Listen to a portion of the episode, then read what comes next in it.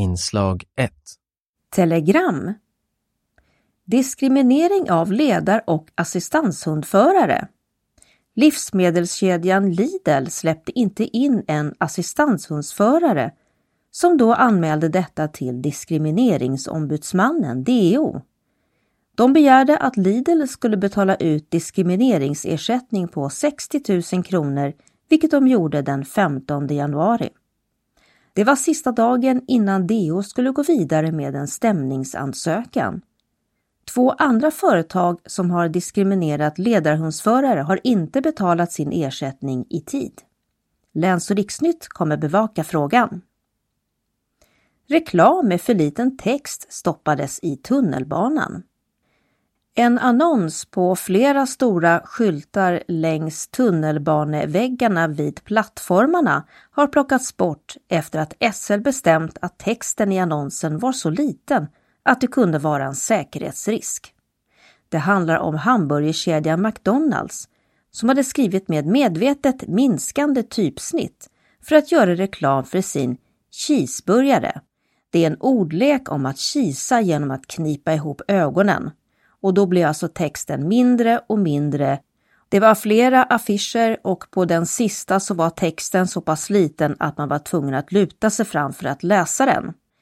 Det här var en resenär som vände sig till SL och sa att han trodde det var farligt om man går nära perrongens kant för att kunna läsa vad det står. Det tyckte även SL och tog bort annonserna förra veckan. Nu ska reklamföretaget Clear Channel och SL tillsammans undersöka om det ska sättas en gräns för hur liten texten kan få vara i annonserna i fortsättningen, skriver Dagens Nyheter. Apoteken måste bli bättre krisförberedda. Hela apoteksmarknaden behöver en bättre beredskap för kriser, det skriver TLV, Tandvårds och läkemedelsförmånsverket, i ett underlag till regeringen. Ett av TLVs förslag handlar om att 300 apotek runt om i landet blir så kallade beredskapsapotek med särskilt ansvar att tillhandahålla service i händelse av kris. I förslaget får också staten möjlighet att styra apotekets öppettider om det krävs för samhällsservicen.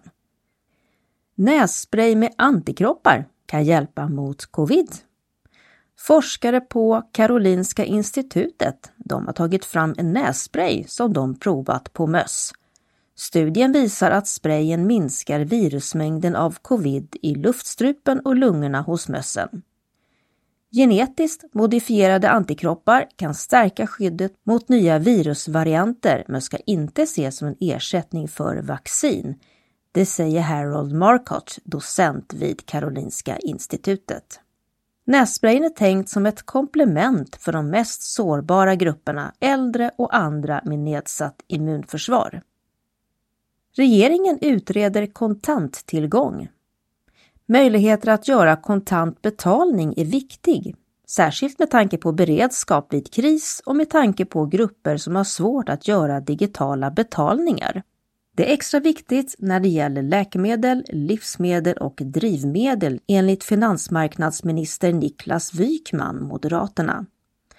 Därför har regeringen gett uppdrag att utreda frågan till Dennis Dioukarev, Sverigedemokraterna, som sitter i finansutskottet. Uppdraget ska redovisas innan årets slut. Vi avslutar med att Haninge taltidning riskerar att försvinna.